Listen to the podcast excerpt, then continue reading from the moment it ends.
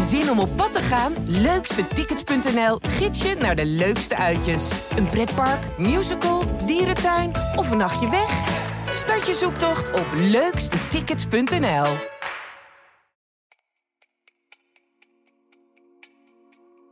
We zijn in de greep van het coronavirus.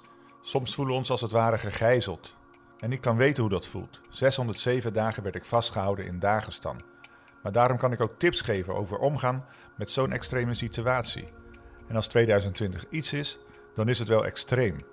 Samen met interessante gasten die ook de nodige pieken en dalen in hun leven hebben gekend, praat ik over vallen en opstaan tijdens een crisis. Dit is Gegijzeld met Arjan Erkel, een podcast van het AD en de regionale dagbladen, die mede mogelijk wordt gemaakt door Kracht. Als eens eh, presentatieteksten moet doen of eh, iets mag eh, eigenlijk eh, niet eh, fout, het moet in één keer goed. Of dan voel ik een beetje in mijn onderbuik van, oh kijk, dat is zo'n wedstrijdje. Ah, dit, Ja. dit gevoel ken ik. Ah, dat vind ik wel een lekker gevoel. Dan ga ik juist beter presteren. Ja, Ze vormen met z'n drieën een ijzersterk judo-geslacht, de familie van de Geest. Vader Cor en zijn beide zoons Dennis en Elko. Hey Dennis, leuk je te zien. Ja. Dankjewel dat je mee wilt doen. Ja, we kennen elkaar alleen van twee keer zwaaien, denk ik. jij Ja, een keer hallo een dag. Ja, Ja, ergens misschien een keer inderdaad met een lezing of zo. eh, dat, dat we op hetzelfde evenement stonden of zo. ja misschien. en eh, dans op jouw muziek herinner ik nog vorig jaar Noordwijk. ja, Ja, bij de Dirk Kuyt. Oh ja, daar was het, ja. dus, ja, dat, ja, toen dat nog kon. ja, Ja. Want dat, da- daar hou je echt heel veel energie vandaan. Oh ja, dat, ik vind dat nog steeds hartstikke leuk. Ik heb altijd eh, gedraaid, ook eh, toen ik eh, topsport deed. Als, ja, ik vond het gewoon een fijne uitlaatklep met muziek bezig te zijn. En ja, weet je, het is niet, niet het hoofdding of zo in mijn leven. Maar ik draai toch altijd wel elke maand nog wel een paar keer links-rechts. Ja. Maar dat is nu natuurlijk sinds corona is dat helemaal nul geworden. Dus eh, ja, ik hoop wel weer dat dat eh, in de toekomst wel weer kan. Ja, nou ja, ik, ik heb in ieder geval hartstikke fijn staan dansen. Ja. ik, ik hoop niet dat je het gezien hebt. maar voor mijn eigen gevoel. Nee, ja, het zag er top uit. Ja, dankjewel. Ja, Ja, ja, Michael fijn Jackson. dat dit radio is. Huh? Ja, precies. Dat, dat zien mensen je. Ja, we kennen je natuurlijk als eh, judoka, wereldkampioen 2005. Ja. Daarnaast deze hele mooie sportschool. Wist ik niet dat u zo groot was. Ik ja, kom nooit in Haarlem, maar ja, dat is wel even onder de indruk. Heb, je dat zelf helemaal opgebouwd? Nou ja, niet opgebouwd, maar door, doorgebouwd.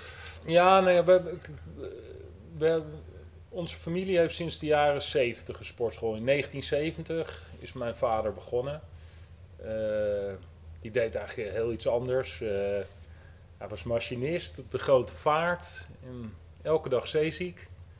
Dus eh, dat heeft hij ongeveer een jaar volgehouden. En eh, dat ging niet over, want hij had een kleine, ik geloof, evenwichtstoornisje of Ja. zo. Iets waar hij in het dagelijks leven geen last van heeft. Maar op een boot is wel. Nee, dat is niet handig. Nee, dat is niet handig. Dus, eh, en hij, hij, is echt hier in Haarlem in de binnenstad opgegroeid. Hij judode al een beetje. En eh, er was een klein sportschooltje, dat heet al Kenamu. En Maar dat, wat betekent dat? Kenamu eh, is eigenlijk Kennemer amateur judo. Oké. En het was een, eh een Geen- tandarts. Geen, geen nee, nou ja, het heeft, Nou, we hebben wel eens een keer gevraagd, eh, weet je wel. Dan kom je in Japan en dan zeg je Kenamu. Ja. Er was nog iemand die ooit eens een keer zei van dat het ook iets van een soort heilig zwaard was of zo. Maar ik heb tot op de dag van vandaag denk ik van nou, dat, volgens mij zei hij dat op, om ons nog een beetje te plezieren. Ja, maar ja. ja. nee, we hebben het nooit zo eh, uitgezocht. Nee, het is echt heel simpel. Er was een tandarts, opa Schutte. Die eh, had een, eh een judo-schooltje, volgens mij al in de jaren 50 hier in Haarlem. Het midden hier eh, in het centrum op de gedempte Oude Gracht was een autospuiterij met erboven een heel klein zaaltje. En daar is hij judoles gaan geven. En dat kwam zo in de jaren 50 kwam dat een beetje richting, richting Europa. En hij was een van de eerste die dat deed. Mijn vader die judode daar. En die kon dat op een gegeven moment overnemen. Ja. En dat was echt alleen maar judo. Klein zaaltje. Heeft hij het zaaltje eronder, eh, of, of die autospuiterij, op een gegeven moment heeft hij over kunnen nemen. Toen is er nog een zaaltje bijgekomen. Zo is dat daar een beetje uitgegroeid. Maar wel volledig uit ons eh, jasje gegroeid daar eh, na zoveel jaren. En een jaar of eh, zes, zeven geleden zijn wij deze kant op gegaan. Ja. Ja, is vier keer zo groot geworden. En met een zwembad erbij, fysiotherapie. nou, we hebben van alles en nog wat. Een mooie wellness, Ja. Fitness, crossfit, alles erop en eraan. Dus eh, ja, het is echt een familiebedrijf. Eh, Mijn broer en ik werken er ook alle twee in. Mijn broer wel veel meer dan ik hoor. Ja. Maar eh, ja, gewoon de familie heeft dat wel opgebouwd. Dus daar zijn we hartstikke trots op. Nee, dat, dat, dat geloof ik. Ja. Het was even zoeken naar de deur, maar ik had Ja, het ja, gevonden. ja, ik, zag je, ik zag je even de verkeerde kant oplopen, maar eh, nee, het is gelukt. Ja, mooi. En, en judo, leg eens uit, wat is er nou zo mooi aan judo? Nou ja, eh, de- dan heb je eigenlijk wel twee dingen. Dus je hebt gewoon judo als vorm, eh, wat bijvoorbeeld veel kinderen in Nederland doen. Wat ik denk heel erg goed is als je dat een paar jaartjes in je leven doet, omdat eh, nou ja, los, ja, je leert valbreken. Het respect voor elkaar. Gewoon stomweg stoeien, weet je wel. Als je, Mhm. als, je, als je dieren die geboren worden of zo, die leren ook heel veel met stoeien en alles. Ja? ja. En eh, kids met elkaar, weet je wel, een beetje stoeien. eh, ehm, dat, dat, dat vind ik altijd een heel erg mooi element eh, in judo. Als je bij, soms komen de kinderen die zijn heel erg druk. Dan worden daar, die worden dan juist wat rustiger ervan. En sommige kinderen die juist een beetje uit hun schulp moeten komen, die krijgen wat meer, ja, die worden wat zekerder. Dus op dat vlak zit er, op pedagogisch vlak zitten er gewoon een hele hoop mooie elementen aan judo. En als je dat dan verder trekt naar eh, de, dus de wedstrijdsport, randori zoals dat heet. Dus dat je met iemand gaat knokken en dan gewoon gaat kijken wie de beste is. ja. Dan is het natuurlijk hartstikke mooi om iemand eh, die niet wil, plat op zijn rug te kunnen gooien. Of op de grond in een houtgreep te kunnen pakken. Of een armklem of een verwurging. En dan denk ik dat het mooiste van de vechtsport judo is dat je elkaar niet moedwillig beschadigt. Nee. Dus je kan voor de volle 100% tegen elkaar knokken. Maar je gooit iemand met een techniek, bam, plat op zijn rug. Dan is de wedstrijd afgelopen. Maar dan staat hij op, dan groet hij af. En dan, eh, dan eh, is er verder is er niks aan de hand. Nee. Maar- Niet zoals bijvoorbeeld bij boksen of bij kickboksen, waarbij je gewoon toch iemand probeert om hem het, eh, het licht uit ja, ja, te slaan. precies. En bij, bij UFC nog even, als hij op de grond ligt, nog even... Ja, wel, ik, ik, ik, kan in principe wel van, de- van het UFC. Ik kan er wel van, van genieten, gewoon om te zien dat als twee eh, atleten tegen elkaar eh, knokken. Maar ik vind het ook wel een beetje de. Dat, we, we zitten een beetje, maar dat is misschien meteen heel filosofisch, maar we zitten een beetje in een eindtijd, denk ik. Zoals we ooit met de Romeinen hebben gehad. Van eh, we zijn lekker verzadigd en Ja. volgevreten met z'n allen. En alles kan en alles mag. En eh, nou, wat kunnen we nog verzinnen? Ah, we twee gasten, die gooien we in een ring. En dan laten we ze elkaar, eh, eh, ja, totdat er eentje niet meer opstaat, Mhm. met elkaar vechten.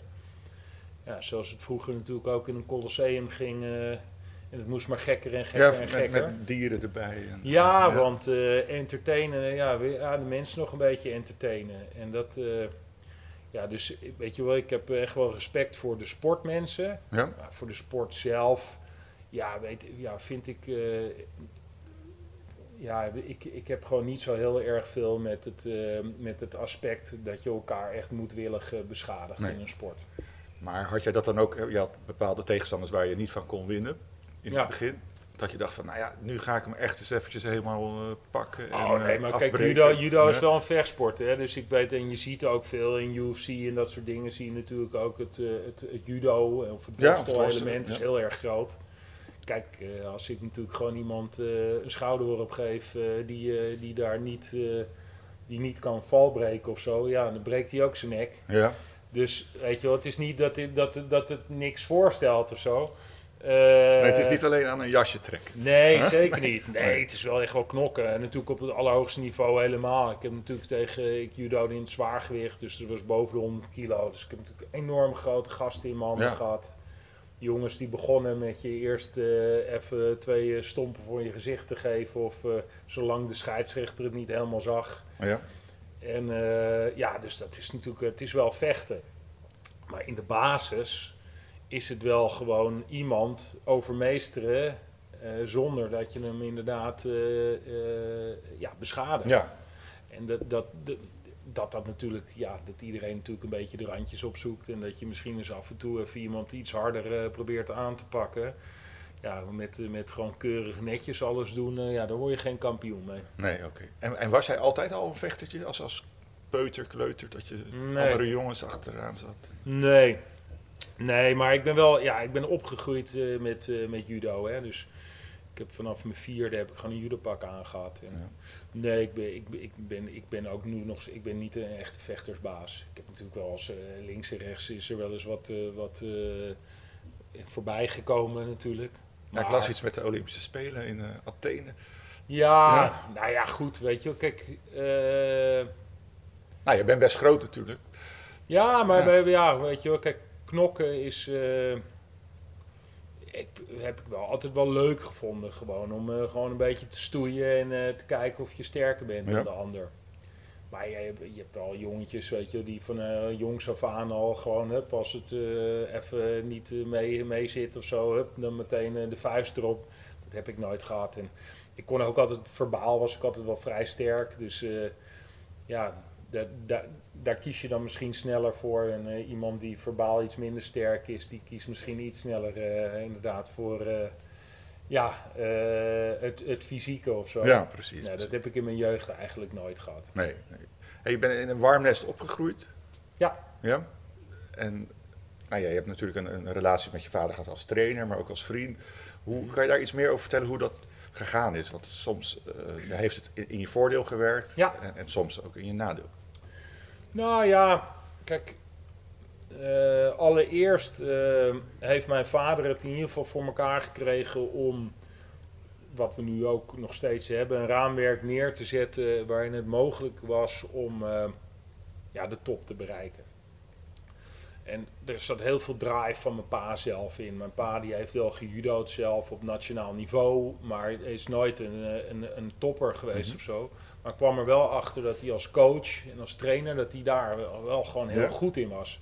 Hij kon goed mensen aan zich binden en hij wist, kon ook heel erg goed het beste uit mensen halen. Eh, dus daar kwam ook zo'n drive uit om te bewijzen van, eh, hey, dat, hij dat, dat hij dat kon. Eh, en daar ben, ik wel opgegroeid, weet je wel. Ik kom uit 1975, dus ja, toen mijn pa voor het eerst Nederlands kampioen werd met, met zijn club, dus met Kinnamu Mhm. bij de jeugd, was denk ik 5 of 86 of zo. Ja, toen was ik 10 jaar, weet je wel. Ik adoreerde mijn pa. Ja. Dus eh, als je de oude foto's daarvan ziet, dan is mijn pa aan het coachen en dan zit ik daarnaast, eh, gewoon op de grond. Met open mond eh, Ja, te kijken. ja, ja. te kijken. En judo natuurlijk zelf al, natuurlijk toen al wel. Maar ja, weet je wel, no- natuurlijk nog helemaal niet op heel hoog niveau. Maar daarin ben ik wel meegegroeid. Want dat werd van Nederlands kampioen bij de jeugd, Nederlands kampioen junioren, op een gegeven moment senioren. Dus hadden we ook judoka's die wat ouder waren dan ik, die bijvoorbeeld eh, naar een NK gingen of gegeven moment naar een Europese kampioenschap. Daar keek je ook tegenop en daar trainde je mee. Dus daar werd je wel ook wel in meegenomen. Dus dat heeft hij neergezet. En ja, voor mij was het gewoon eh, niet anders als dat mijn vader eh, de trainer was, maar ook mijn coach. En in mijn jeugd heb ik daar wel wat last van gehad, omdat ja, mijn pa won gewoon heel veel met eh, de club. Dus er waren toch wel ook een hele hoop clubs die dat niet zo leuk vonden. Nee.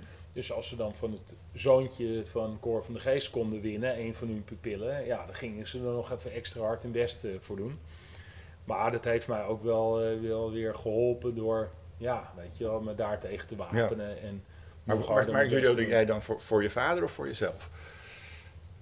Nee, ik judode wel voor mezelf. Maar ja, weet je wel, kijk, eh, hoe, hoe, eh, hoe, hoe zijn die keuzes, weet je wel? Als ik naar mijn eigen kinderen kijk, mijn oudste zoon die judoot, die andere die judoot, die voetbalt, vindt hij ook leuk. Dus je laat ze wel vrij. Maar het is niet raar dat mijn oudste zoon judoot. Nee, nee. Weet je wel. Kijk, eh, als mijn vader badminton coach was geweest, dan had ik waarschijnlijk gebadmintond. Ja. Dus ik ben wel gewoon in het judo opgegroeid. Ik weet niet beter als zolang ik eigenlijk kan lopen, is judo eh, is om mij heen. Mhm. En eh, vanaf mijn vierde heb ik zo'n judopakje aangehad. Alleen, ik kwam er pas zo rond mijn vijftiende achter. En mensen ook om mij heen kwamen er toen pas achter dat ik ook wel een beetje talent had. Daarvoor was dat nog niet zo heel erg duidelijk. En dan is het wel lekker als je in een groep bent en dat er alles daar aanwezig is eh, om het allerbeste uit jezelf te kunnen halen. En dan wordt ook die relatie met je pa wordt ook wel anders, weet je. Want kijk, uh, ja, op een gegeven moment als je een jaar of 18 bent, uh, dan begin je in je junioren, dan komt de seniorentijd. Op een gegeven moment ben ik uit huis gegaan, dan wordt de relatie met je pa natuurlijk ook weer anders. Mm -hmm. We hadden natuurlijk trainingen ja, dan ging het er wel eens even behoorlijk hard tegenaan. Ja, dan mijn vrienden die gingen naar huis. En dan zat pa zat, voor de televisie en die zei, hoe ging de training? Ja, ging goed of het ging slecht. Of nou, oké okay, jongen, nou, volgende keer beter. Hè? Ja. Maar die had hij zelf gegeven? Nee, ja, oh. nee, maar anderen natuurlijk die thuiskomen en die hebben ouders, ja, die waren niet bij die training nee, aanwezig. Nee. Maar mijn pa was natuurlijk altijd bij die ja. training aanwezig. Dus als het... Maar dan vroeg hij toch aan je van hoe is het gegaan? Nou, nee, als, bij ons thuis, als het niet zo goed was gegaan, dan, uh, ja, dan moesten we dat dus proberen wel thuis uh, het daar niet over te hebben. Nee, of dat nee. lost. Uh, dat mijn moeder wel eens af en toe zei van, ja, het maakt mij niet zoveel uit wat er op de training is gebeurd. maar hier thuis zijn we gewoon thuis. Ja. Ja, dus dat was wel eens natuurlijk af en toe wel eens ingewikkeld. Ja. Maar, ja, weet je wel, mijn pa was gewoon ja, heel goed ja. als trainer en als coach. Er was er geen betere. Nee, oké. En uh, dat heeft hij natuurlijk niet alleen met mij uh, laten zien, maar met een hele hoop uh, judoka's van zijn club. Dus ja, de, voor mij is er ook nooit echt een, een, een, moment geweest dat ik dacht van nou ja, ik ga misschien eens een keer bij een andere trainer of een andere coach kijken. Nee. die heb ik wel gehad eromheen. Mm -hmm. Maar uh, nee, nooit, nooit dat ik dacht van ja, oké, okay, uh, wij kunnen niet meer samen door één deur of zo. Nee, maar hoe scheid je dat dan? Bijvoorbeeld thuis, je komt thuis en uh, nou, je bent even afgebrand, ja, dus misschien is... boos op elkaar. Ja. En dan ja, dat geeft je toch ook weer een aai over je bom. Ja, maar ik denk dat dat heel belangrijk is. ik probeer wel eens uit te leggen aan mensen, weet je wel, die mijn pa een beetje van de buitenkant kennen. Dus een bevlogen man en natuurlijk af en toe wel ook verbaal was hij erg aanwezig. En in het begin werd hij altijd een beetje als schreeuwlelijk weggezet. Totdat hij steeds ja, ging presteren en presteren.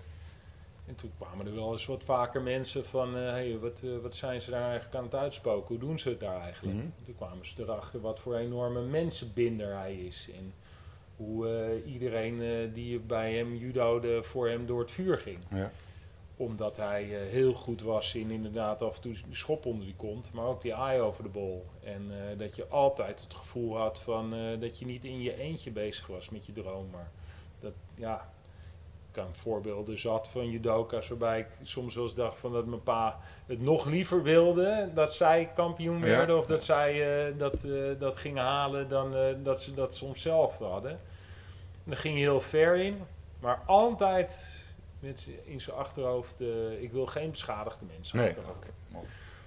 En dat, uh, ja, kijk, kijk uh, ik, ik, ben denk ik op mijn 24ste of zo uit huis gegaan. En toen gingen we heel veel zaten in het buitenland en zo, dus dat was vooral ook praktisch, was dat nog handig om lang, best wel lang thuis te blijven wonen. Maar dat veranderde ook wel weer het, het verhaal natuurlijk, want toen, ja, zagen we elkaar nog wel inderdaad op de trainingen Ja. en op de trainingskampen. Maar dan namen we dat niet meer zoveel mee naar huis. Nee, dat, dan oké. dat scheelde ook alweer. Ja, je wordt ook ouder, je groeit ook in een, in een, in een, in een vader-zoon relatie groeien, maar je groeit ook in een eh, trainer of coach eh, pupil eh, relatie groei je ook. In het begin doe je gewoon wat er gezegd wordt. En als je op een gegeven moment zelf een beetje aan het presteren bent, dan stel je ook eens een keer de vraag van eh, zeg maar eh, waarom doen we dit eigenlijk zo? Of zouden we het niet eens een keer zo kunnen doen? Dat is wel, ja, dat, dat, dat groeit ook. Ja, precies. Maar daar moest wel even doorheen. Door zo'n durf Ja. ik met mijn vader aan te spreken. En, en wat heeft judo jou allemaal gebracht? Nou, mijn ju- judo heeft mij eh, eh, he- heel veel gebracht. Los van medailles die ik gewonnen heb en een droom die ik had. Sowieso een periode, een hele vormende periode in je leven. Dus als ik nu naar mijn eigen zoon kijk, die is nu 16. Ja, die gaat natuurlijk een beetje uit. Die drinkt zijn eerste drankje. En uh, die heeft een groep vrienden. En dat zijn ook allemaal judo-gasten. Dus ze hebben ook met elkaar, oké, we gaan wel uit. Maar we gaan ook wel weer even trainen met elkaar. En uh, ze hebben allemaal wel een soort droom of een doel waar ze mee bezig zijn. Dat heb ik ook eigenlijk altijd gehad. Dus ook toen ik klaar was met judo, met topsport, op mijn 33ste, was het voor mij een droom hebben of een doel hebben in je leven of zo. En daar stapjes in zetten en omgaan met een tegenslag. Uh, ja, dat zit zo in mijn DNA door, mhm. dat, door judo. Dat heeft mij zoveel gebracht. Uh, in je eentje op een judomat staan tegen één iemand, daar tegen knokken ja, dat is toch een soort van metafoor voor het leven, weet je wel. Ja. Ik bedoel, uh, ja, je leert jezelf heel erg goed kennen. Weet je wel, uh, ja, wie komt er nou, ja, jij bent in extreme situaties uh, terechtgekomen in je leven, maar de meeste mensen komen natuurlijk niet zo heel erg ver met zichzelf. Op een judomatje in je eentje, ja, dan moet je het ook, dan kan je het alleen nog maar zelf doen op zo'n moment. Ja, en je weet ook hoe je reageert in uh, situaties. Uh, ja, dus ik, bijvoorbeeld, ik werk nu natuurlijk voor televisie. En als ik wel eens uh, presentatieteksten moet doen of iets mag eigenlijk niet fout, het moet in één mhm. keer goed. Of dan voel ik een beetje in mijn onderbuik van, oh kijk, dat is zo'n wedstrijdje. Oh, dit, dit gevoel ken ik. Oh, dat vind ik wel een lekker gevoel. Dan ga ik juist beter presteren. Ja, ja. Nou, dat, en, de manier waarop ik gewoon in het leven sta, uh, ja, daar heeft judo, heeft daar op alle vlakken, heeft, eh, heeft, heeft, is judo daar wel een onderdeel in. Terwijl ik het bijna nooit meer doe. Nee. En, en, en bijvoorbeeld, eh, ik, heb anderhalf jaar vrijgezeten, maar dat was ook voor mijn gevoel top, top, topsport, terwijl ik nooit op topsport heb gezeten, maar ik was wel scherp op mezelf. Ik wilde echt zeker weten dat ik dit ga winnen. Uh, alles moest in het teken staan om nou, in ieder geval uh, helder te blijven. Ja. Um, dus dat heeft mijn leven ook makkelijker gemaakt daarna. Omdat je dan weet, die, die power zit in me. Ik ja. kan heel veel afdwingen. Maar er waren ook wel moeilijke momenten. En, ja. Um, die moest ik dan in mijn eentje vieren. Of althans niet vieren, daar moest mee omgaan. Ja. Maar jij hebt natuurlijk ook tegenslag gehad als je nou ja, misschien te vroeg uitgeschakeld werd of, of je was geblesseerd. Hoe, hoe ging je daarmee om? Ja, weet je, als ik dat zo tegen jou dan denk ik van ja, dan kan je natuurlijk altijd, eh, dan denk ik van ja, waar gaat het uit? Het is altijd erger, nee, maar dat... Het is altijd erger, ja. Maar uh, uiteindelijk is het qua hoe je reageert en zo, uh, is, is volgens mij gewoon zijn dat universele dingen die er gebeuren in je lijf en hoe je in bepaalde situaties reageert. Uh, Ehm,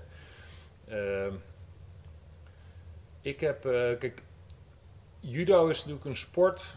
Je, je staat tegen, een, tegen één iemand, daar moet je van winnen. Het is natuurlijk een soort spelletje, dus je bent continu proberen die ander te foppen en uh, weet ik veel. Nou ja, uh, als, je hem, als je hem op zijn rug gooit, heb je gewonnen.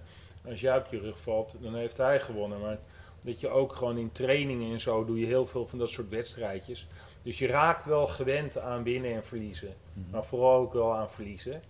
En dat, uh, dat is wel fijn. Dat je dat van jezelf kent. En dat je ook leert van oké, als je dan verloren hebt en je staat op. Dat in principe nog niet zo heel erg veel aan de hand is. Ja, uh, je hebt verloren. En dan, dan, dus je gaat alweer heel snel ja? naar voren kijken. Maar het is hier, hier in de sportschool verliezen is toch anders dan de Olympische Spelen, zou ik denken. Ja, ja. Maar, maar je gaat toch alweer heel snel kijk je alweer naar ook vooruit. Ja. Oké, okay, dit is gebeurd. Uh, wat is fout gegaan? Wat kan ik daar uh, weer uh, aan gaan verbeteren? En wat, wat, wat zijn de dingetjes ja, wat wel positief is?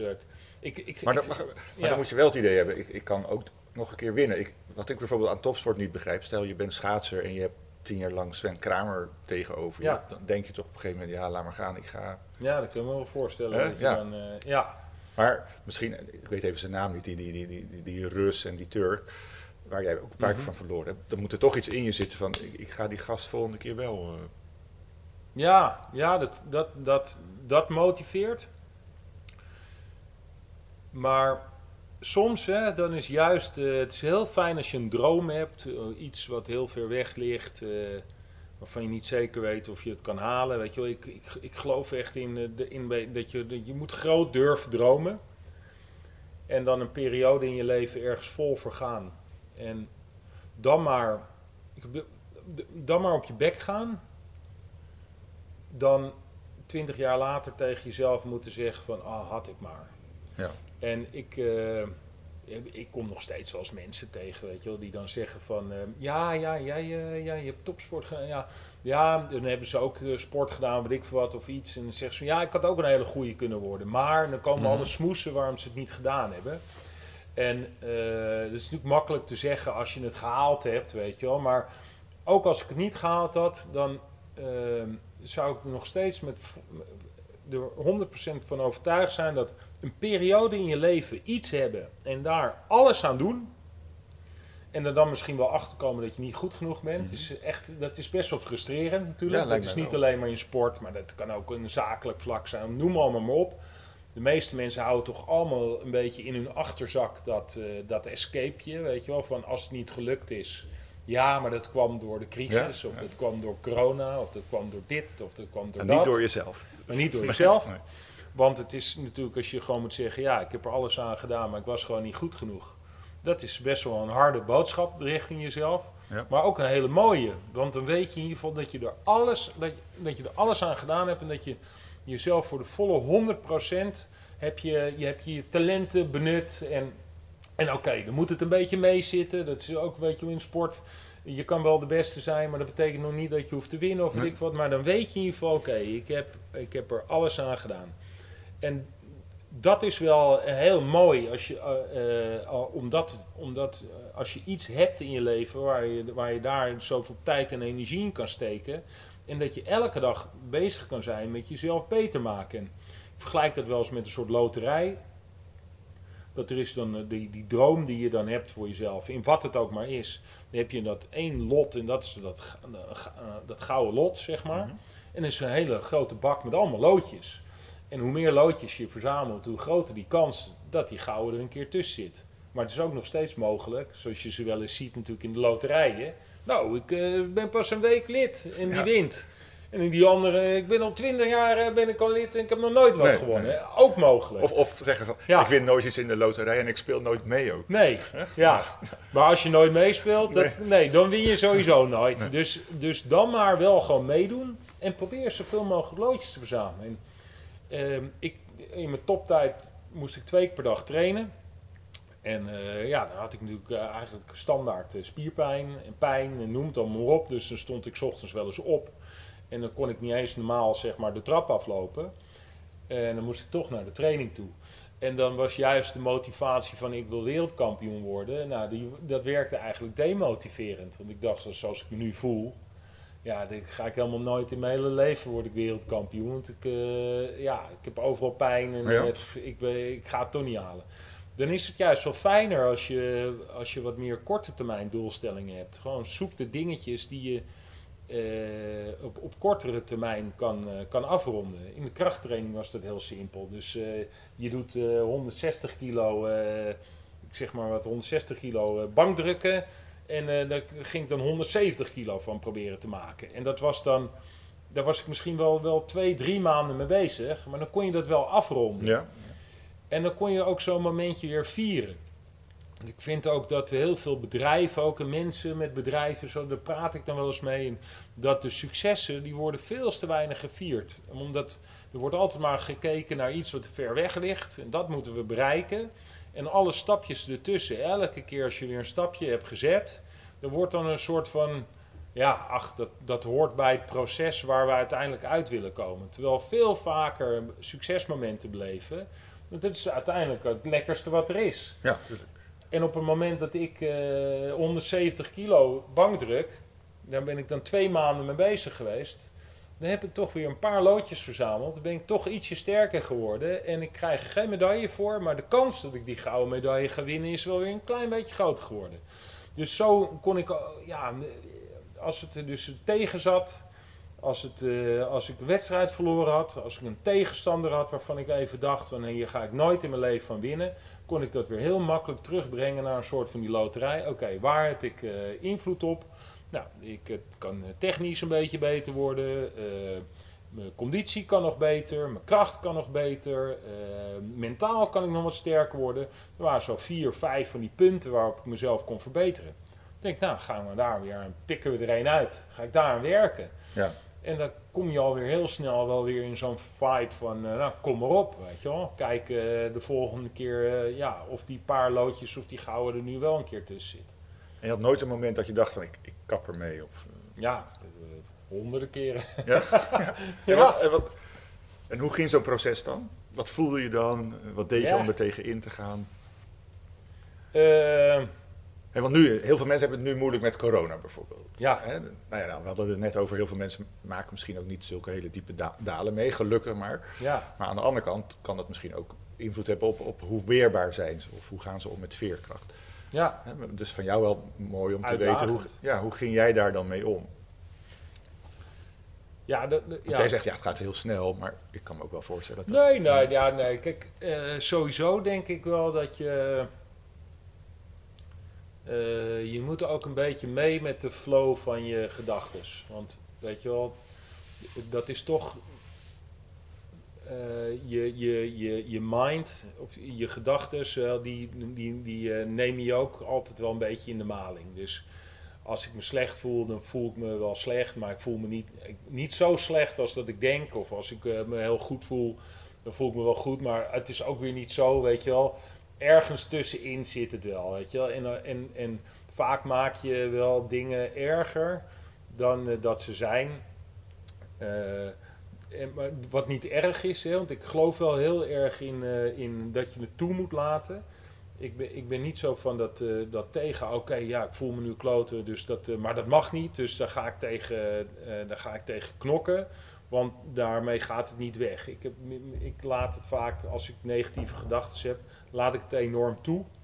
Laat ik het eigenlijk een beetje naar mijn onderbuik komen en dan maak ik het zo groot eh, dat het eigenlijk soms lijkt het wel alsof het dan een soort van barst of ontploft in je buik. Ja. En dan krijg je heel veel ook wel weer Moet je dan naar het toilet ook? Wat zeg je? Moet je dan ook echt naar het toilet? Oh, even- nou, nee, dat nee. is wel eens gebeurd. Ja? Ja. ja, ja, nou, maar eerder dat je moet spugen. Oh, Dan, eh, de, ik denk dat een hele hoop mensen wel zichzelf ook zo geconditioneerd hebben dat op het moment dat ze spanning voelen of iets of onzekerheid, waar ook spanning, stress, zit allemaal spanning bij, ja. dat mensen zichzelf conditioneren van oké, dat moet ik klein houden, want eh, daar voel ik me niet comfortabel bij. Mhm. En juist het toelaten en het groot laten worden, dat is vaak wel de, de sleutel. Want- Ja, ja. Maar dat, op het, de eerste keer dat je dat doet, schrik je helemaal te barsten. Want dan wordt nou, het een soort van oncontroleerbaar gevoel. Ja. En dan denk je van wow, wat gebeurt hier allemaal? Omdat je zo gewend bent aan dat tegenhouden. Terwijl ja, laat het maar, eens, eh, laat het maar gebeuren. Nou, als, je, als je dus nu eh, stress hebt, wat ik, wat ik voor een hele hoop mensen kan begrijpen. Ja, laat het maar gebeuren joh. Laat het Ja. maar groot worden. Wat, eh, wat is het ergste wat er kan gebeuren? Weet je wel, dan. Ik denk juist dat het vaak misgaat op het moment dat je er tegen gaat knokken.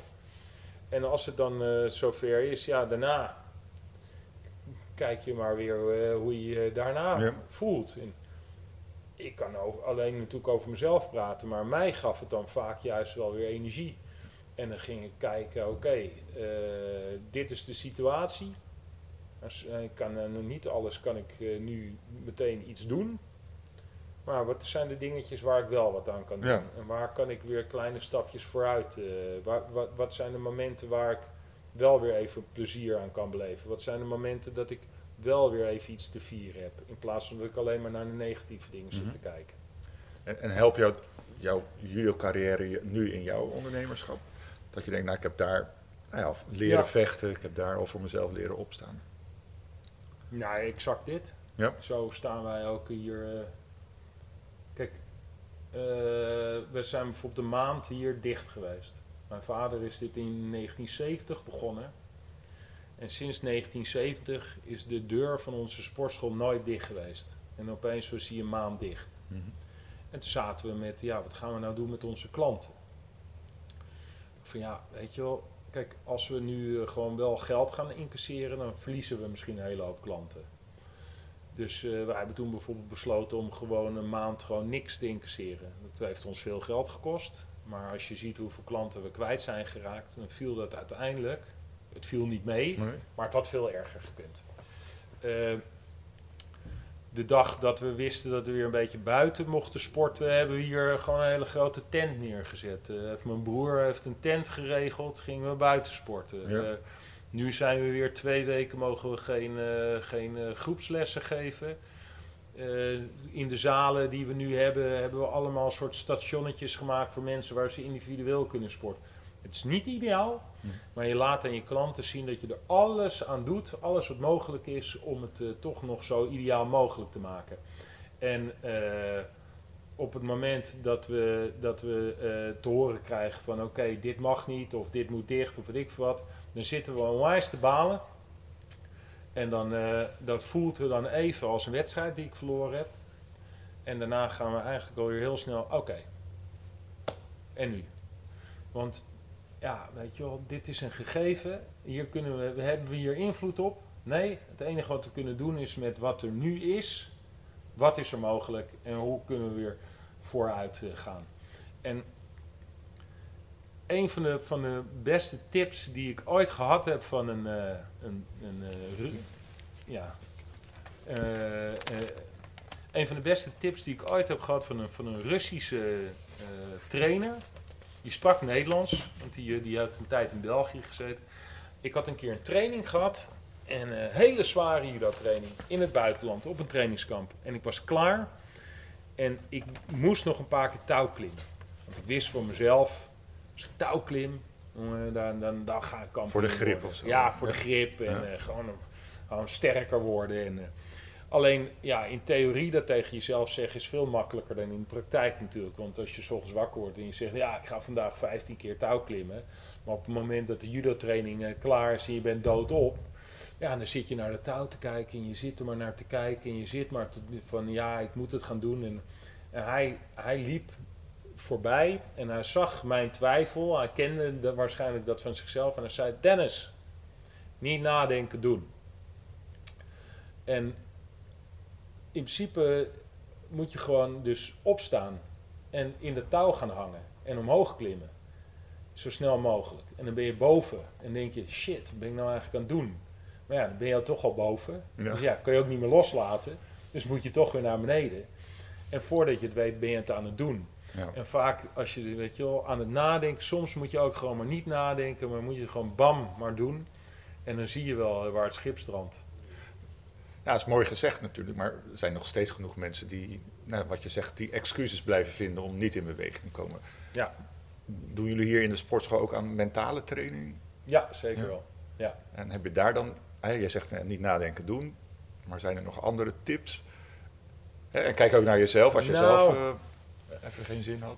Kijk, natuurlijk, we hebben hier een commerciële sportschool. Dus eh, ik vind het heel fijn als mensen hier komen trainen. We proberen wel een hele eh, veilige situatie hier te creëren. Dat iedereen moet zich hier, eh, we zijn echt een familiesportschool.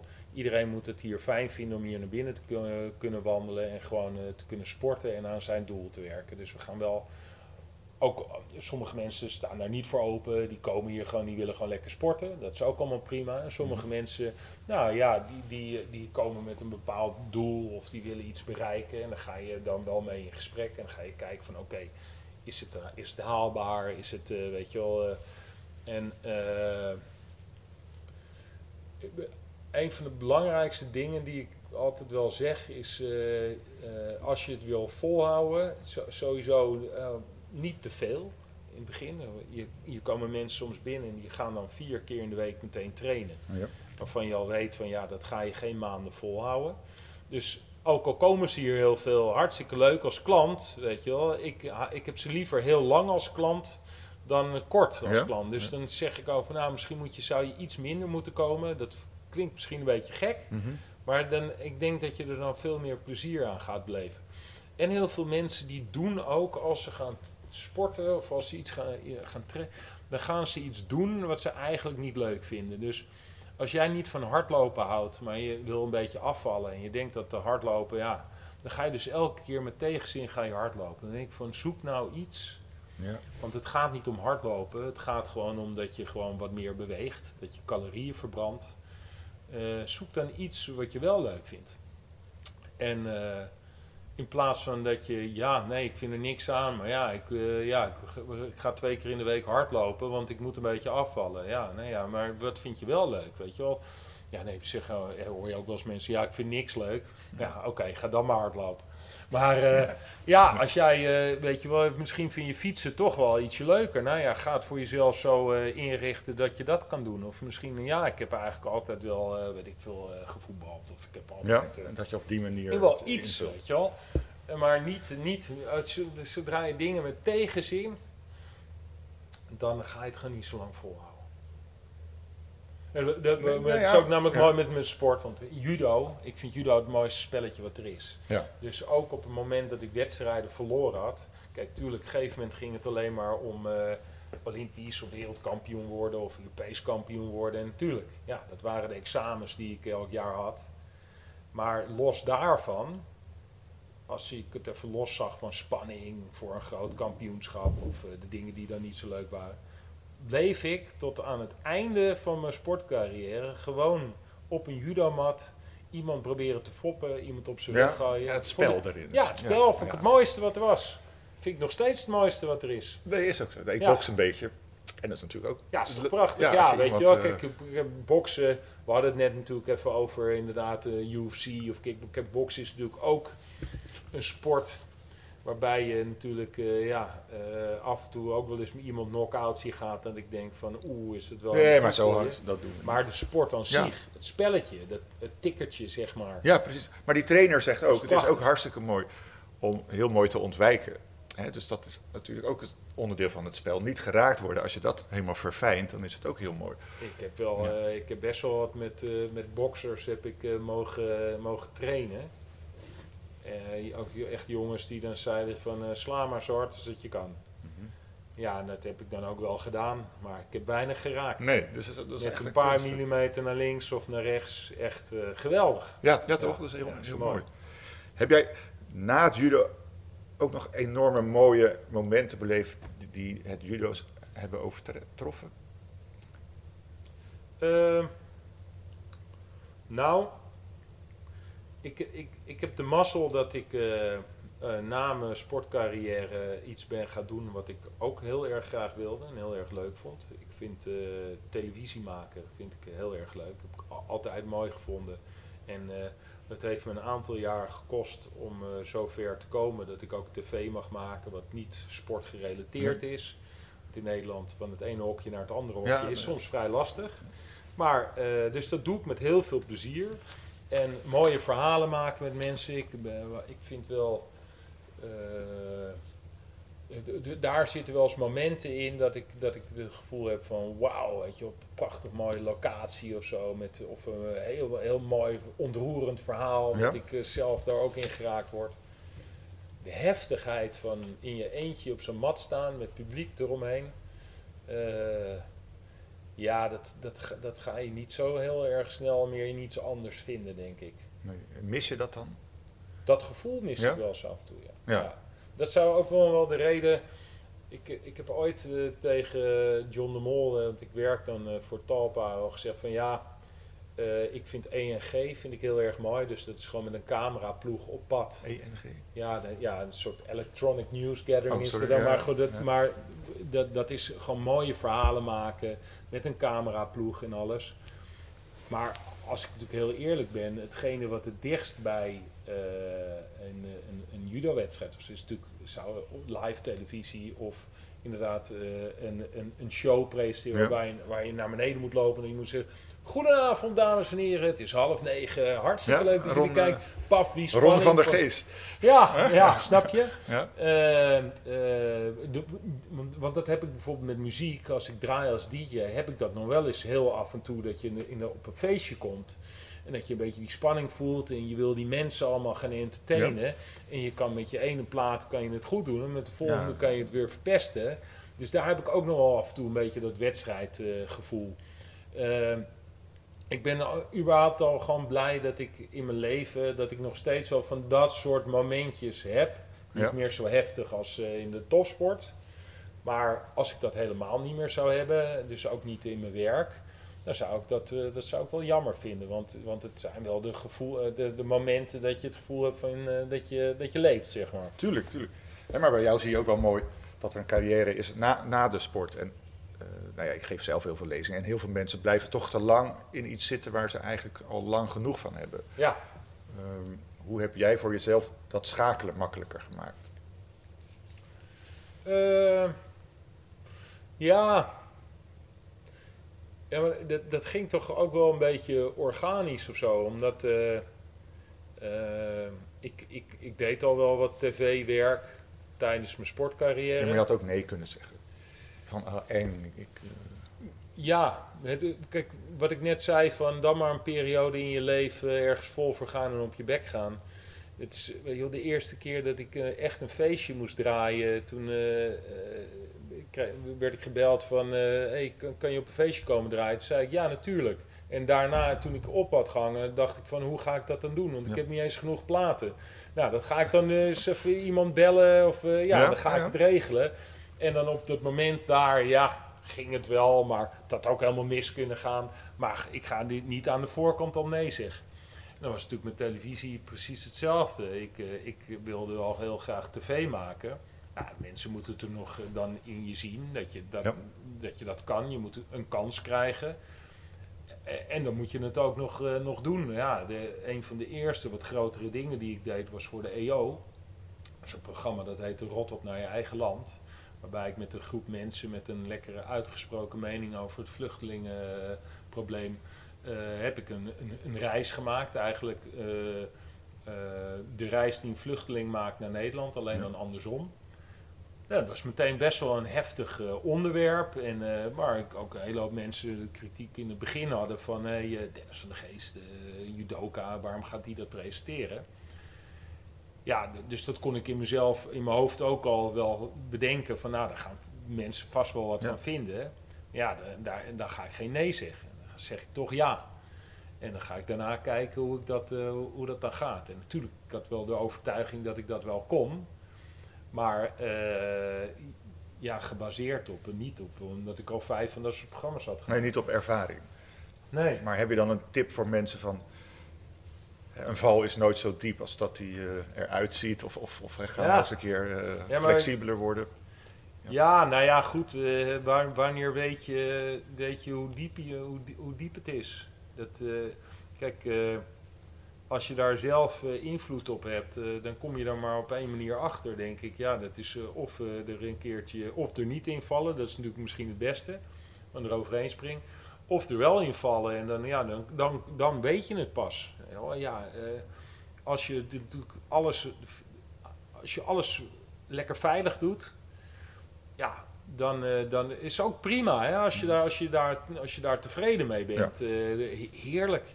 Zelfs, weet je wel. Ik ken er zat mensen die hebben een leven prima op orde en die vinden dat verder helemaal prima. Maar als je bij jezelf een beetje onrust voelt van hé ja, ik zou nog wel eens wat meer willen. Nou ja, dan zou ik zeggen, spring er een keer in, in het diepe. Ja, zoals die Rus zei, niet nadenken maar doen. Of, Niet nadenken, maar doen ja. En dan achteraf denken van, eh, holy, wat heb ik nou weer gedaan? Ja, maar en, dan leer je toch ook pas echt van jezelf, kom je erachter van eh, wat er kan. En, eh, Ja, en je kan, ik zeg altijd, je kan altijd weer terugvallen op je oude niveau. hè. Het is zelden dat je dan in, die, ja, in dat gat blijft hangen. Want Ja. je kon al iets daarvoor, dus dat kan je ook weer oppikken. Dus hoe eng is het nou om een keer te vallen? Die veerkracht brengt je vaak wel nou weer ja, terug. ik denk dat jij dat, eh, ja, jij kan het wel goed uitleggen, denk ik. Ja, eigenlijk ook, ook hard. Het was ook een harde leerschool, maar ik, ben, ik had het wel willen missen natuurlijk. Ja, Maar ja, ik, ik heb het gelukkig ook eh, kunnen omdraaien dat ik ja dat je had ook geen keuze. Nee, dat scheelt. En dat zeggen dan mensen ook, ja, maar jouw leven stond op het eh, spel. En dat is ook zo. Dus ik moest echt keihard werken om, om, om de situatie te verbeteren. Ja. Maar wat je zegt, dat was soms ook wel een mooi spel. Van wat kan ik nog beter doen? Eh, ik moet nog beter focussen op hoe ik contact kan krijgen met die ontvoerders. Ik moet nog Ja. beter naar mezelf kijken. Want ja, als iets niet goed gaat, dan ben je ook altijd zelf bij. En ben je ook een stuk verantwoordelijk van jezelf bij. Ja, Maar- en ja. kijk, weet je wel, ik kan dat. Ik kan het niet vergelijken, maar ik probeer het wel eens uit te leggen. Van, weet je wel, met topsport ook in je eentje zo op zo'n judomat staan. Of eh, als je op zakelijk vlak eh, een, een, een, beslissing moet nemen of zo. Wat dat, als het er echt om gaat. Dat zijn pas de momenten dat je van jezelf weet hoe je reageert in situaties. Nou ja, dat, dat, en als het dus echt om leven en dood gaat. Ik hoop dat ik dat nooit hoef mee te maken. Maar eh, ik zou het wel interessant vinden, weet je wel. eh, eh, ik, ja, kan je, hoe je dan. een enkeltje dagen staan. Ja, nee, dat, dat bedoel ik, weet je. Maar, maar, maar eh, de, dat je van jezelf weet van hoe je in zo'n situatie reageert, dat, dat heb jij meegemaakt. En dat is, eh, dat is ook wel iets eh, ja, die, wat niemand meemaakt. Nee, Omdat je zo dicht... Ja, gelukkig maar. En, maar wat niet betekent dat je daar op andere manieren wel een beetje bij in de buurt kan komen. Door af en toe wel eens een beetje eh, actie te ondernemen. Of misschien je af en toe eens een beetje op een pad begeven wat, eh, waarvan je niet helemaal zeker bent eh, van jezelf. En dat op de manier waarop je reageert, dat het oké is, weet je wel. Ja. En, en, en eh, de- ja, jij zal eh, de hele hoop beslissingen toen hebben genomen, echt vanuit je onderboek, onderbuikgevoel van, ja, als ik dit misschien zo doe, dat maakt de kans op overleven maakt het een klein beetje groter. Ja, er, er zat geen theorie achter. nee, het was niet altijd. Nee, precies. Het was Nee. heel veel. eh, ja, maar ja, dat, ja, maar Ja, dat is wat zeg je? Wat, wat, wat, wat doe je? Ja, precies. Ja, kijk, als wij kijken naar deze sportschool, eh, die zijn wij begonnen eh, even eh, in de crisistijd. En toen alle budgetsportscholen omhoog kwamen. En dat is, wij waren er zo falikant tegen. Dat heb ik, ik heb niks tegen die budgetsportschool, want Mhm. ik vind het liever dat iedereen sport. Hè? Ja. Alleen gewoon de manier van begeleiding. En eh, ja, dachten we, nou, er, er moet gewoon een groep mensen in de Haarlem, regio Haarlem zijn, die daar wel nog gewoon iets meer voor wil betalen. Ja. En eh, oké, dus misschien de meest eh, slechte tijd om te beginnen. Maar aan de andere kant ook weer de beste tijd om iets aan te schaffen. Ja. Eh, dus ja, mijn pa was toen, even kijken, was hij 68. En die zei gewoon echt letterlijk, nou wat ga ik doen? Gaan we, wat we allemaal vergaard hebben, gaan we daar nu de rest van ons leven een beetje bovenop zitten? Of gaan we het nog eens een keertje allemaal op rood of op zwart zetten? Ja, ja. Ja, dat- als je toch 68 bent, en je, ja, dat, dat, Nee, dat, ik vind dat geweldig. Ja, weet je. ja. En als het mis, en kijk, nu is het hartstikke leuk om te vertellen. Als het natuurlijk misgaat, is het dan wel eens, denk je, weet je wel, de, de luisteraar denkt ook van ja, je hebt lekker makkelijk praten. Maar ja, ja nu, het is nu wel een succes. Natuurlijk is dat lekker makkelijk praten. Maar op dat moment wisten wij dat nee, natuurlijk even ook niet. zweten. Tuurlijk, je weet dat je... Ja. Je hebt zelf je eigen carrière, je hebt een achtergrond erin. Het is niet helemaal nieuw, maar het is wel een grote stap. Nee, Ja. een hele hoop stappen. Ja. In Nederland ook toch. Ja, eh, jij hebt eh, stappen moeten zetten of, of, of afwegingen moeten maken die echt om, over je leven gingen. Wel, sommige, het kunnen al kleine stappen zijn inderdaad van baan veranderen. Of toch, als je toch nog ooit nog een keer zelfstandig ondernemer wilde zijn. Ja, als je nog twintig jaar wacht, ben je te oud. Ja. Doe het. Wat, wat, wat, kan er, wat kan er nou echt in de essentie nou de, in Nederland dan nog, wat kan er dan misgaan? Als, eh, tuurlijk, je moet een plan B hebben, je moet een basis zijn, weet je wel. Nee, joh, Dus, maar je eh, kan weer het oude oppakken. Ja. Bijvoorbeeld, dat, dat, dat zeg ik altijd. Is er nog iets wat op jouw bucketlijst staat, waarvan je denkt, ja, daar twijfel ik soms wel eens over. Ja, nou, kijk, ik, ik, ik hoop dat ik nog een paar jaar gewoon mooie tv mag maken. Ik had een paar hele mooie dingen staan voor dit jaar. Dat werd allemaal even uit de agenda gekrast eh, door corona. Dus eh, dat heeft ook een hele hoop dingen wel weer in perspectief gezet. Dat ik nu, eh, waar ik eerst durfde te dromen over een prachtige, mooie van alles en nog wat. Dat ik nu denk van ik hoop dat ik gewoon weer normaal een programma kan, kan maken in deze tijd. Ehm, ja, ik, ik, ik, zou wel, ik zou nog wel eens een keer een boek willen schrijven. Maar, en, en dat zeg ik nu heel bewust, omdat ik dan voor mezelf, dus eh, denk als ik dat dus uitspreek, Ja? dan, eh, ja, gast, dan heb je jezelf iets, eh, iets ja, dan, heb, Nou, ik zal de, beloof je de microfoon Ja. helemaal onder je mond houden. Heb ik dus niet gezegd dat het een goed boek moet worden. Nee, het kan nee, ook nee. heel slecht worden. Maar dat is eigenlijk een beetje hetzelfde als ik zei over de draaien.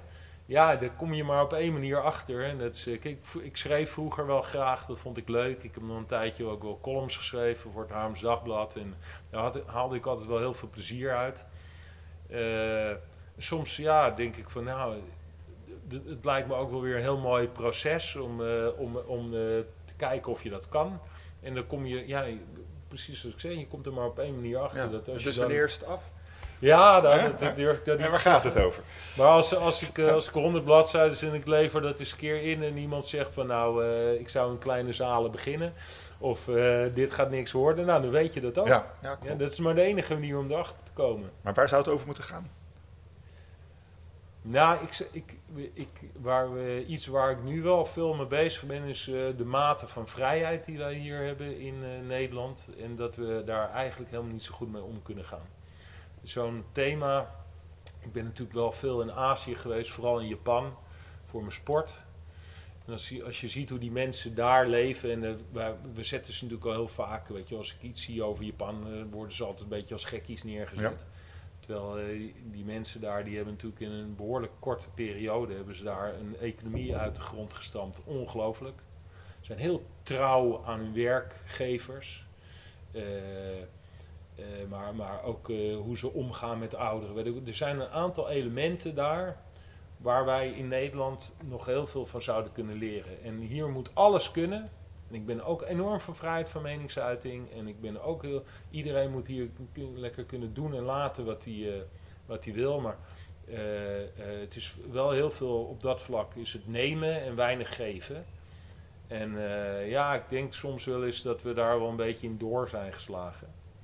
En in deze periode valt me dat nog weer meer op nu ook, omdat we nu natuurlijk allemaal zo opeens afhankelijk zijn van die overheid. Ja. Daar moesten we allemaal niks van weten en eh, die moeten zich allemaal nergens mee bemoeien. En stiekem vinden we het nu toch ook wel weer heel erg lekker als het vangnetje er is. Dus eh, ja, zo'n zo'n soort thema. En dan, ik weet het nog niet helemaal precies, maar dat zijn wel dingen waar ik mee bezig ben. Wie weet eh, schrijf ik eens een keer wat op. Nou, helemaal goed. Ik, ik lees graag mee. Vrijheid is natuurlijk ook voor mij een mooi thema. Ja, ja, Ja, dus, dat eh, lijkt mij wel, ja. En de- dat is zeker voor jou ook, eh, als je dus dat natuurlijk hier in Nederland af en toe ziet, hoe we daarmee omgaan. Ja, alles moet maar kunnen. Ja, het is ook wel een beetje egoïstisch soms. Maar ook weer de andere kant dat mensen het niet nemen. Dat, dat, ja, het blijft natuurlijk een, een moeilijk proces van pak je je vrijheid, terwijl je soms laat opsluiten door financiën of door het verkeerde werk of de verkeerde eh, relatie. En aan de andere kant, alles moet maar kunnen. Eh, ik mag wel dubbel parkeren, maar een ander weer niet. Ik mag wel eh, tijdens corona met 30 man een feest geven en een andere niet. Dat, dat, dat egoïsme van die vrijheid Ja. geldt alleen voor mij, dat, dat is soms wel, ja, Ja, wel wat ik net al een beetje over, de, over dat, dat eindtijd. Ja, dat, dat zo op, op jezelf gericht zijn. De social media en zo helpen daar ook niet echt eh, in mee. Eh, kijk, eh, ik, Twitter vond ik in het begin nog wel leuk, omdat dan deed ik echt mijn best om een tweet te polijsten en te denken van, oké, hoe schrijf ik dat nou zo mooi mogelijk op? Maar ja, tegenwoordig natuurlijk gaat het er vooral om of je foto er een beetje goed uitziet. En helaas heb ik geen grote volle borsten en weet ik veel wat. Maar Nee. dat, ja, als je toch Instagram opent en dan, dan, dan is dat de foto en dan staan er vaak van die, van die mooie teksten onder dat je denkt, waar gaat het allemaal over? Ja, daar, daar maak ik me wel eens een beetje zorgen om. Van ja, hoe ver eh, moet dit eh, door blijven gaan? Ja, nu het ook foto, dat, dat, dat- en dan moet ik eh, ermee ophouden. Ik vond één hele mooie foto in jouw boek, althans dan niet door jou geschreven, maar over jou. De kus op Cor zijn lichtbehaarde schedel na het winnen van het Olymp- Olympisch brons in Athene. Je kent er wel dromen, denk ik. Ja, mooie foto. Die hangt Ja. bij mijn vader thuis ook. Ja? Ja. Je beschrijft die eens even voor mij. Ja, dat. Kijk, Dat is echt liefde, toch? Ja, dat is ja, echt ik weet niet, vul je Ja. hem maar in, want ik kan het Nee, even dat, dat eh, kijk, je moet je voorstellen dat eh, ik win daar een medaille op de Olympische Spelen. Een dag daarvoor is mijn eh, broer is, eh, 50 geworden. Net niet. Die was eigenlijk die dag misschien wel eh, de beste. Maar die, is, die heeft veel blessures gehad in zijn leven. En die was niet helemaal 100% getraind daar door blessures. Terwijl hij eigenlijk wel de beste was. Ja. En daar zit dan iemand aan de rand van de mat als coach, als trainer, die daar 100% bij betrokken is, zowel bij, eh, bij mijn broer als bij mij. En die, dan, dat, dat, en die is ook nog vader. En mijn kinderen die, sporten nu. En ik leer steeds beter begrijpen, of in ieder geval ik, ik, misschien juist wel minder begrijpen, hoe die oude heer van mij dat überhaupt heeft kunnen doen, joh. Hoe je gewoon kan coachen langs de rand van een mat, terwijl je zoon daar al aan het knokken is en een finale wint of verliest of, en daar allemaal maar mee moet omgaan. En eh, dus, dus los van dat ik daar de matten afstap en dat ik daar een hele mooie medaille heb gewonnen, ja, komt, er zit daar ook zo'n emotie in van, ja, dat is gewoon mijn pa, weet je die daar gewoon, en, eh, en dat is zijn zoon, en die loopt de mat af en die heeft een medaille gewonnen op de Spelen. En zijn andere zoon heeft er net naast gegrepen. En die emotie en, de, en dat daar jaren met elkaar, dag in dag uit mee bezig zijn. En dan, weet je het allermooiste, de allermooiste momenten heb ik beleefd. En ook mijn allerdiepste momenten heb ik ook beleefd. Met mijn pa. Die daar gewoon op twee, drie meter vandaan zat. Of naast me stond. Of, eh, dat is de, ja, wie, wie komt er nou zo dicht met zijn pa tot dat soort, in, in zijn leven, met dat soort momenten. Ja, nou, ja, dat, dat is die foto. Ja, nou, jammer dat de luisteraars er niet kunnen zien. Maar ja, dankjewel. Ook Ja. Bedankt voor het gesprek. Ook. Ja, ik vond het hartstikke leuk. Ja, nou, gelukkig. Nee, ik ook. Dit was Gegijzeld met Arjan Erkel. Exclusief te vinden op ad.nl of in de AD-app of op de site van jouw regionale dagblad. Deze podcast is mede mogelijk gemaakt door Kracht. Ik heb kracht.nl.